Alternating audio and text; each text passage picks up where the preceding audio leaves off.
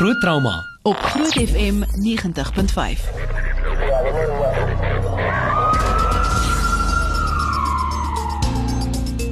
Dis Woensdag aan klein Saterdag tussen 8 en 9 tyd vir Groot Trauma en saam met my my mede-kollega Dr. Jaco van die kerk van Met24 en 'n uh, bietjie later gesels ook met uh, Dr. Jacques Koning. Uh, ons gaan bietjie later gesels oor varkgriep. Jaco, weet kry mense dit nou van varkchoppies wat met uh, suurlemoensap gebraai word of of nie Pieter. Gelukkig nie.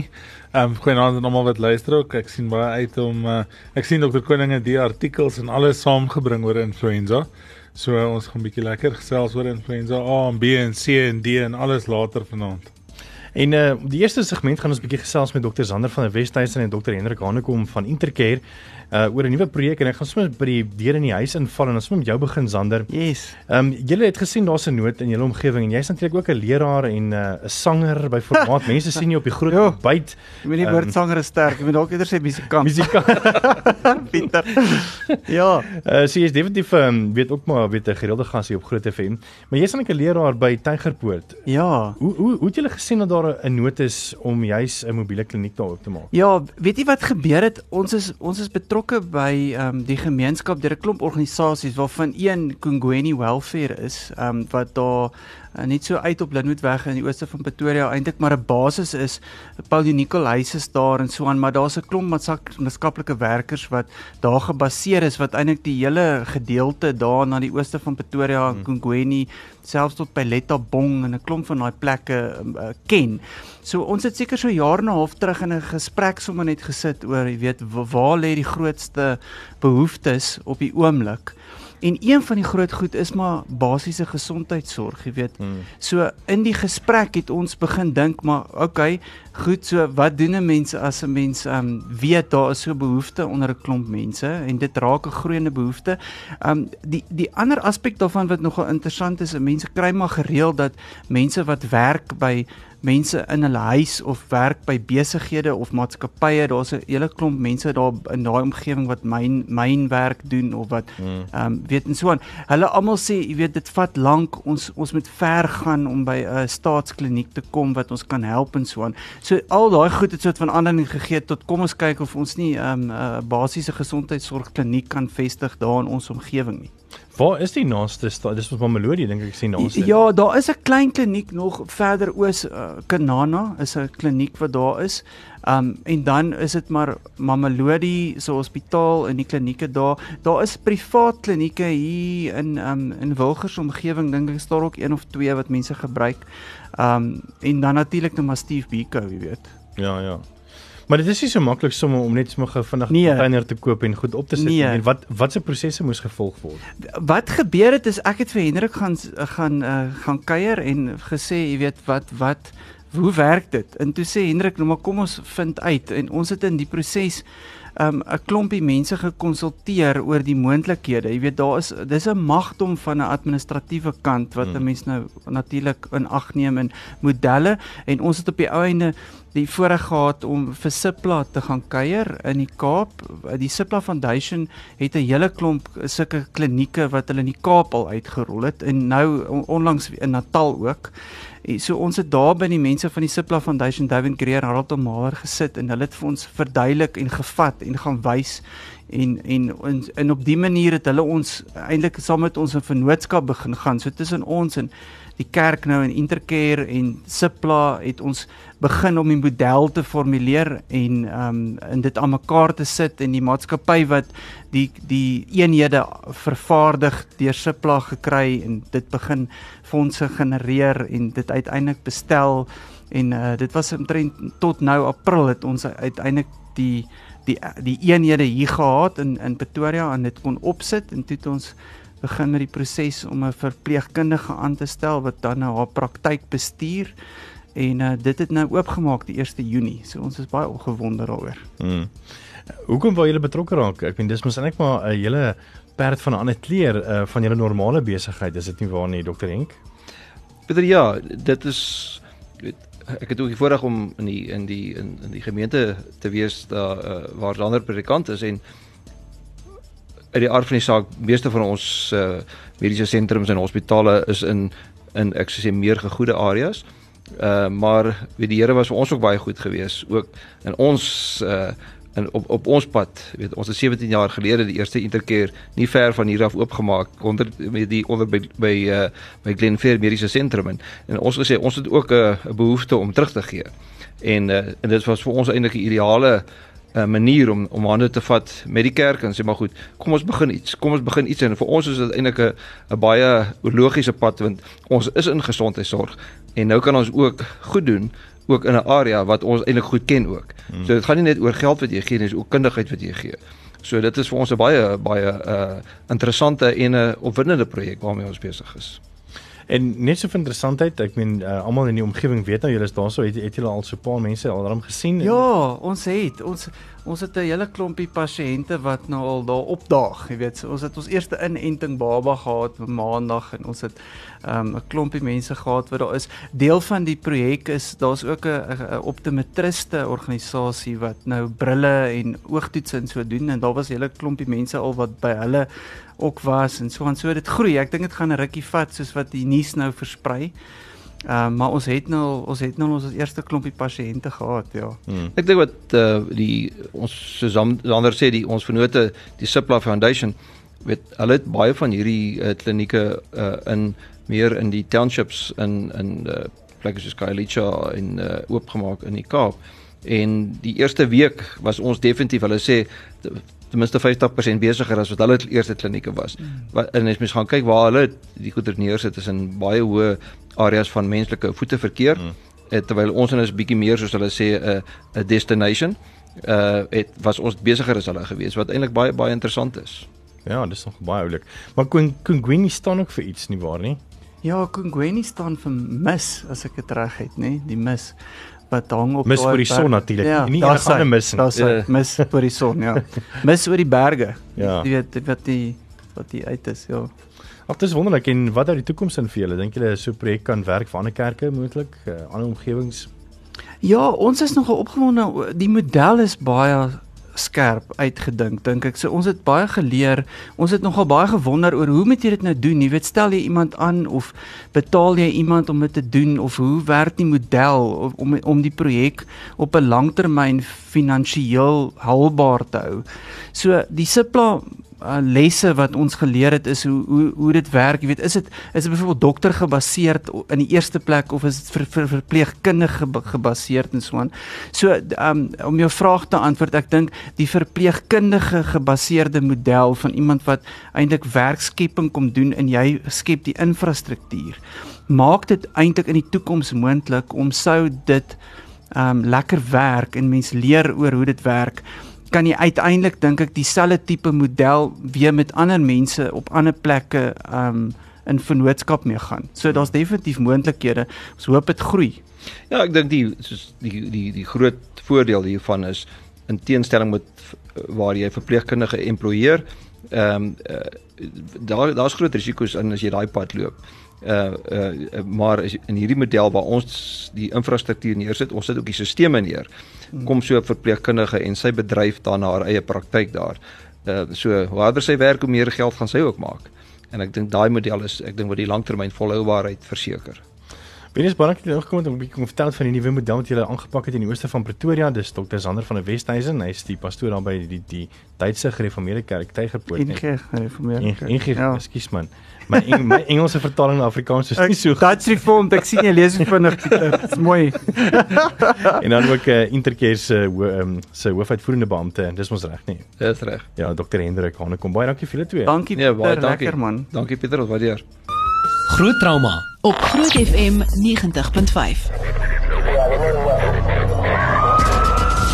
Welkom terug by Groot Trauma. Ek is Pieter Kloete saam met Dr. Jaco van die Kerk van Met 24 se trauma eenheid en ook sy eie praktyk en Dr. Jacques Koning wat sou mense noem noem internis despes ma wat?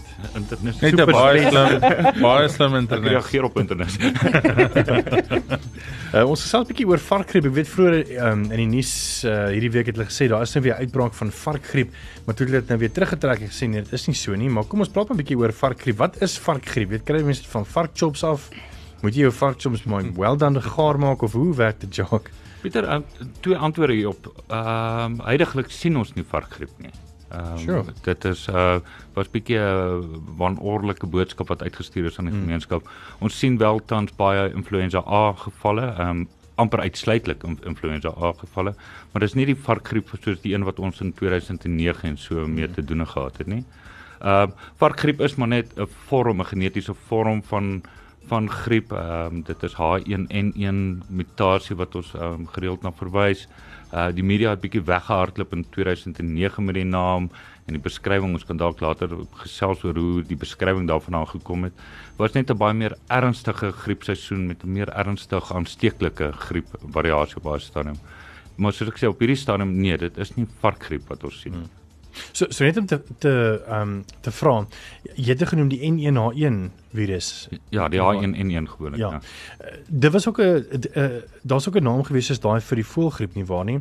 Uh, en is dit van waar hulle dan gesê het varkgriep omdat dit, dit net 'n afwyking is van daai tipe van mutasie?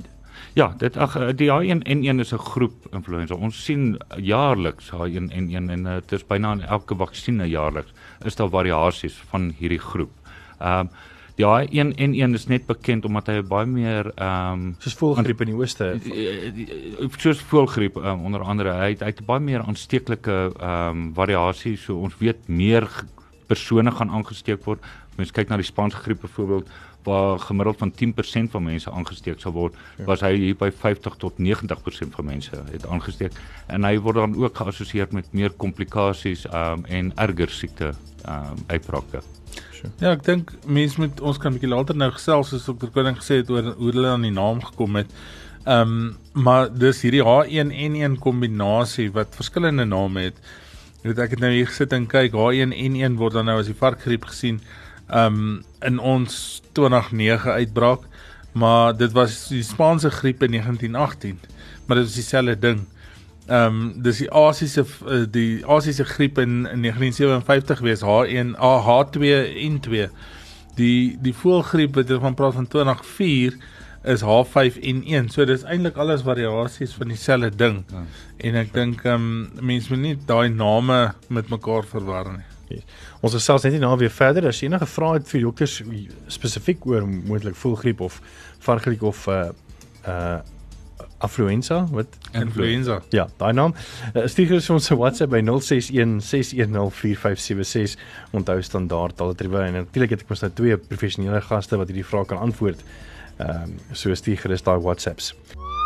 Groot trauma op Groot FM 90.5. Ons gesels verder oor varkgriep, Jaco. Ja, Pieter, ehm um, nou van to, terwyl ons nou geluister het na na die dan die musiek en die en die advertensies het ons 'n bietjie gepraat um, en Dr Koning het baie diep gaan navors. So hy gaan vir ons sê waar kom influenza en griep, die name influenza en griep vandaan? Hmm. Uh, dit het eintlik 'n baie interessante agtergrond. Die die term influenza is 'n ou latynse verwysing waar uh latynse gemeenskap, antieke latynse gemeenskappe weens griep se seisonale gebondenheid het hulle die sterre en die planete se posisie bepaal. En volgens dit het hulle waarskynlik uit bygelowigheid geglo as die planete so gebelyn is of die sterre so belyn, dan word ons vasgevang in hierdie griep siektebeeld en die term kom dan van influence uh, wat maar beïnvloed eintlik kan Mm. beteken.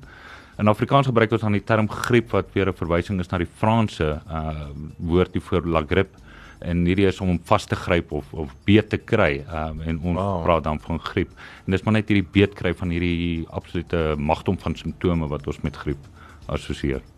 Is varkgriep en influenza en hierdie tipe van goede aansteeklik, bedoelende van mens tot mens, uh kommunikasie met iemand praat soen of is dit baie moeiliker? Pieter, ehm um, hoogs aansteeklik. Dit is maar hoe griep uh epidemies en dan selfs pandemies maar plaasvind. Dit het uh uh voorliefde vir seisoene. Ons sien dit meer gereeld in ons kouer seisoene, het sy die noordelike halfrond of dan die suidelike halfrond is. Uh dit is hierdie is weens die humiditeit in die lug. Uh ons weet die virus leef bietjie langer in die lug, uh hoesbye en so uh die die die die die die virus bly langer in die lug vir ons beskikbaar. Ons weet ook ons sinus mukosa, ons neus, um slijmvlies, mondslijmvlies en dis meer droog uit. Uh, die die vog beskerm ons nie en daarom raak ons meer uh vatbaar vir dit. Ook weet ons dat um, ons bly binne ons huis tydens kouer tydwerke. Mm. En binne ons huis het ons 'n baie groter konsentrasie dan in die omgewing wat ons is en dis dis die grootste rede hoekom hulle van uh, winterseisoen nou. Maar ons moenie vergeet nie, uh, net na die 2009 daai ernstige varkgriep pandemie wat ons beleef het, was die 2010 uh, wêreldbeker sokker hier by Right, Suid-Afrika. mense. En ons het daar nog al iets interessant gesien dat uh, omdat die kinders se uh, vakansietydperke verander was by die skole om plek te gemaak het vir vir hierdie sokkerbyeenkom, het ons ons griepuitbraak baie laat die jaar gesien. Inteendeel ons het dit eintlik in ons somermaande en tot selfs in Desember het ons nog 'n baie baie sterk griepepidemie gehad hier in Suid-Afrika. So ons moenie glo dis net 'n wintersiekte nie. Hy's altyd hierso, maar hy's meer algemeen in die winter. Ja, ek dink dis 'n dis 'n belangrike punt want daar's baie mense wat glo as jy koud kry of jou rug koud kry of jou kop koud kry dan gaan jy griep kry. Ja. en en dis nie heeltemal die waarheid nie. Daar's 'n klomp ander faktore wat maak dat jy wel in die kouer seisoene gewoonlik griep kry. Ja, dis nog baie interessant. want Daar is nogal 'n mite van weet as jy nou Net nie koud kry. Ja, jy moet nie koud kry nie of of, of jy jou hare moet droog wees en jy moet nie met jou na- nat hare gaan slaap of so iets lafs nie, ek weet nie. Dit dit gaan eintlik oor uh, natuurlike gesondheid. Ehm uh, daar's 'n baie interessante teorie wat wat wel beweer dat ehm uh, griep dat Vitamiin D produksie deur die liggaam self ons 'n tipe van 'n beskerming gee teen griep. En hierdie sal dan verduidelik veral in die noordelike halfrond waar uh, daar baie kort raak um, tydens sneeutydperke, mense baie min sonblootstelling het, hulle baie dik pakke klere aan en dis meer. So hulle um, innaat Vitamiin D produksie is baie laag en dan mag 'n assosiasie dan wees hoekom hulle griep epidemies kry. In Suid-Afrika nie so baie nie, maar tog ons moet ook sê ons trek lekker dik aan in die winter. Ons ons ons doen. uh, baie van ons is maar die hele dag in 'n werksplek. Ons sien nie die daglig tydens 'n wintertydperk nie. Mag dan mag dit mag wees 'n interessante rol uh, en sal seker later ook bewys word of dit uh, relatief is of nie. So speel Vitamiin D nog 'n groot rol in die immuniteit van jou van die liggaam. So so as as as mense nou uh, by by byvoorbeeld nou 'n kliniese trial moet doen van 5 mense wat hierdie winter in hierdie dag tan buite argumente onthaalwe en 5 mense wat nie tan nie wat werk en wat binne huis is sou die wat buite is en dan meer Vitamiin D deur die vel ehm um, van die son Ja. Maak mos Ja, dit is die son stimuleer die produksie van Vitamiin D in die menslike liggaam. Dit dit dit, dit, dit is al aangetoon dat mense met uh, verhoogde Vitamiin D produksie minder vatbaar is of gemeenskappe, nie persone nie, gemeenskappe. Maar op individuele vlak gaan ek jou nie aanmoedig as nooit 'n assosiasie dat as jy Vitamiin D inneem, jy nie gaan griep kry nie. Dis nie 'n terapie nie. Hoekom is daar ook dan 'n ding wat wat sê mense moet Vitamiin C drink want Vitamiin C gaan gaan ver- gaan verseker dat jy nie griep kry nie. Interessant genoeg kyk daar's daar's baie baie rate vir vir griep en ek ek moet vir mense sê uh, in my kas het ek ook maar net so ek het parasetamol en ek het hoendernoedelsop en 'n- ek het 'n warm duvet en 'n DVD. Ehm en en en die ou ou ou boererate is soms baie meer effektief in die hantering van griep. Die by verre die meeste griep gebeurtenisse is 'n weeklange siekte en hy gaan 'n week wees met jou dokter of sonder jou dokter. Ehm um, meeste persone het nie regtig mediese intervensie nie. Parasetamol interessant genoeg wees die anti-inflammatoriese effek blyk om 'n baie goeie ehm um, uh verkortingsmiddel te wees van die siekte, die tydperk te verkort. Hoendernoedelsoep ehm um, sop to- toevallig is aangetoon is waarskynlik vitamien en en nutriënt ehm um, inhoud daarvan. Ons weet ook hoë doserings Vitamiin C ehm um, blyk ehm um, en dit is waarskynlik 'n antioksidant weens die inflammatoriese en sitokienproduksie wat met, met griep uitgelok word hmm. dat dit daar invloed het. So die ou mense was reg met hierdie goeder. Kyk maar, dis ook omdat ons al eeue sukkel met griep. ja. Ek dink hierdie boererate werk baie beter as medisyne. Ehm um, weet ons sit baie keer in 'n situasie wat 'n mens 'n pasiënt sien, hulle voel sleg, hulle het hoofpyn, hulle het keelseer, hulle neusloop, hulle neus is toe, hulle hoes, hulle het lyfseer, hulle het koors, hulle het alles wat wat wat jy jouself eintlik mo voor moet jammer kry. En ehm um, dan is die vraag maar hoekom gee nie vir my antibiotika nie? En ek dink dis 'n belangrike punt om te maak is ehm um, antibiotika het geen plek in die behandeling van influenza of griep nie want dit is 'n virus. Ja. En ek dink dokter Koning kan dalk baie meer daaroor sê, maar eintlik benadeel ons jou deur vir jou antibiotika te gee terwyl jy terwyl jy griep of influenza het. Ehm um, jy gaan vir die week siek wees soos wat hy gesê het en baie keer as jy hoes dan gaan jy vir 2 weke hoe lank hoes. Ek weet ek weet nie mense wat gereeld luister sou jy my gehoor het die laaste 2 weke het ek dalk so 'n bietjie snotneserig geklink hier oor die oor die radio maar Ehm um, en en nog steeds van tyd tot tyd kry ek 'n hoesbui en en dit beteken nie ek is siek nie.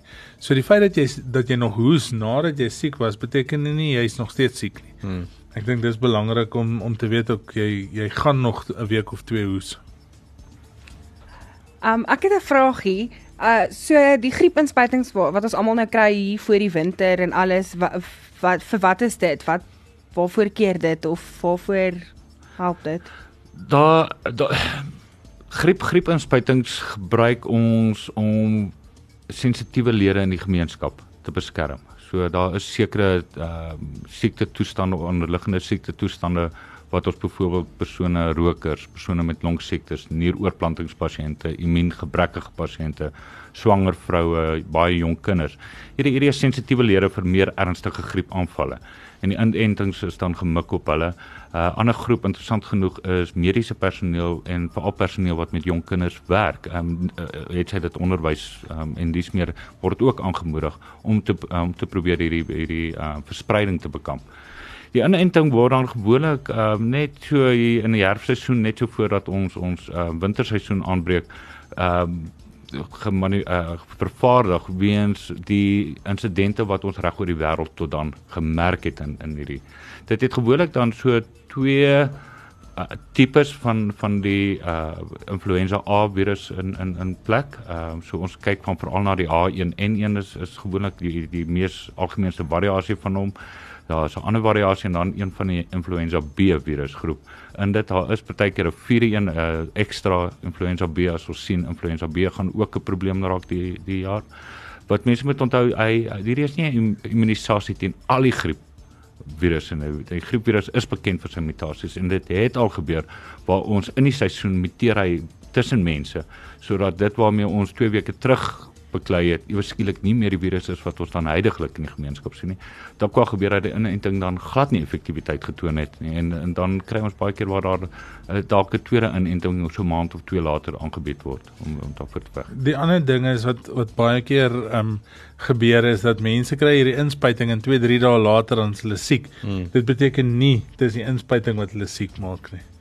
Nee, en en en dan wintertydperke daar soveel goggas en peste wat daar rondhardloop en baie van hierdie pasiënte het dan reeds iets opgetel en dis nou net 'n toevalligheid is nie toe. Ja. Ons gesels net nie daar verder as enige vrae vir die dokters, jy's welkom 0616104576 onthou standaard tot drie begin. Groot trauma op Groot FM 90.5. Ons sels verder 'n bietjie oor varkgriep of influenza, sê ek dit nou reg? Jy sê ek 'n naam. dis dis al die influence. ja, die influence daar sê. Ja, Pieter, ons het ons het dan nog gepraat oor die influenza en ons praat van epidemies en pandemies.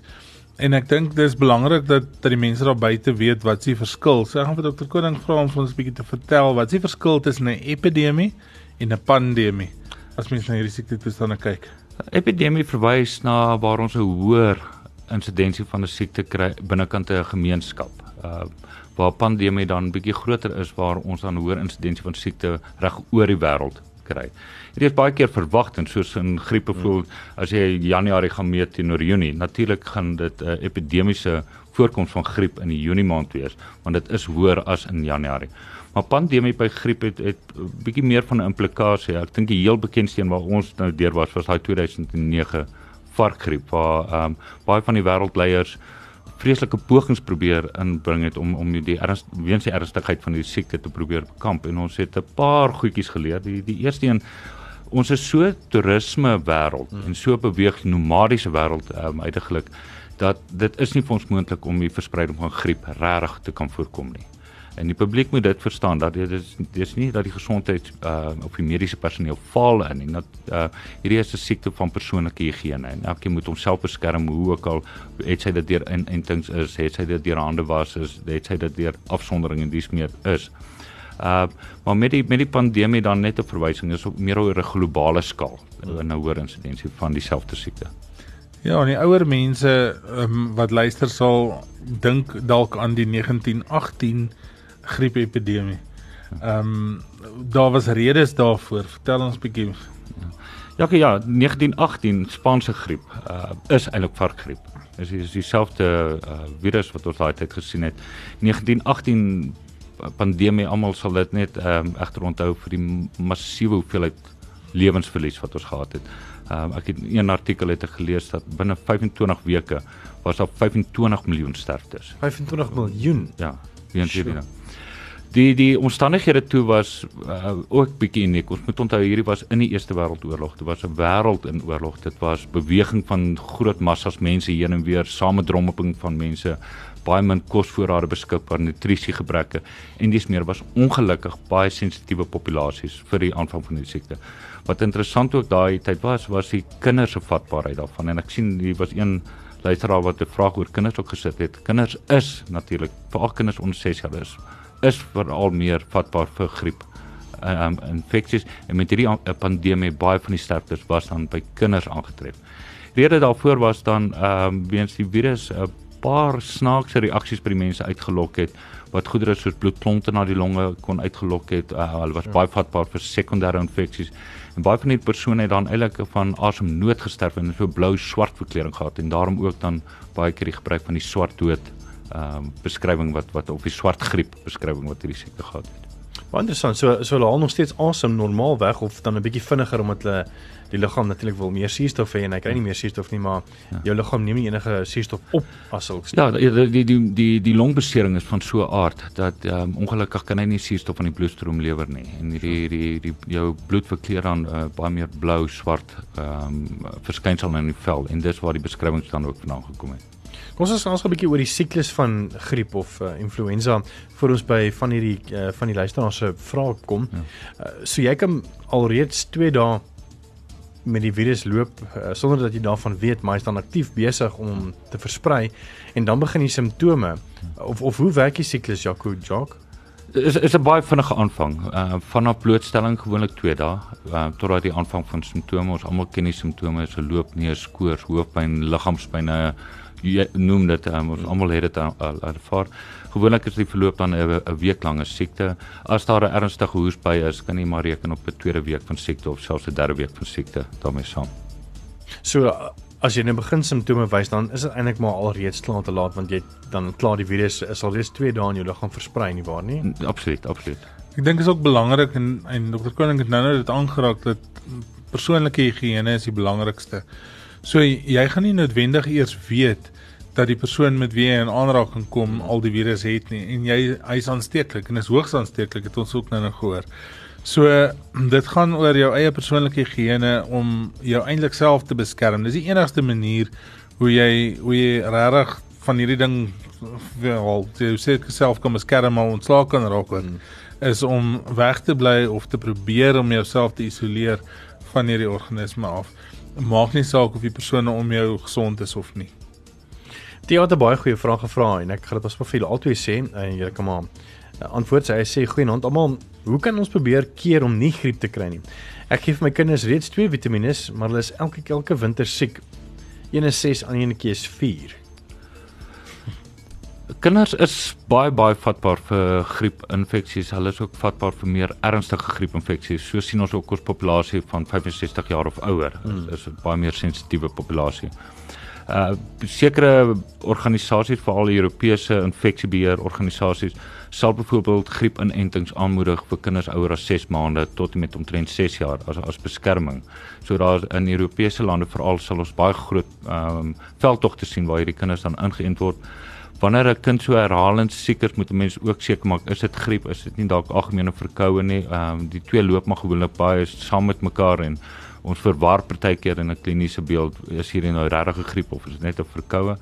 Maar as daar herhalende virus infeksies is by kinders, moet 'n mens miskien op 'n stadium net hulle immuniteit gaan toets, net gaan seker maak is daar nie dalk 'n immuungebrek of hmm. ehm um, die effek wat wat plaasvind nie uh belangrik ook vir ouers wat wel met kinders sit wat gereeld griep kry of of sensitief is vir ernstige griep of 'n uh, risiko is.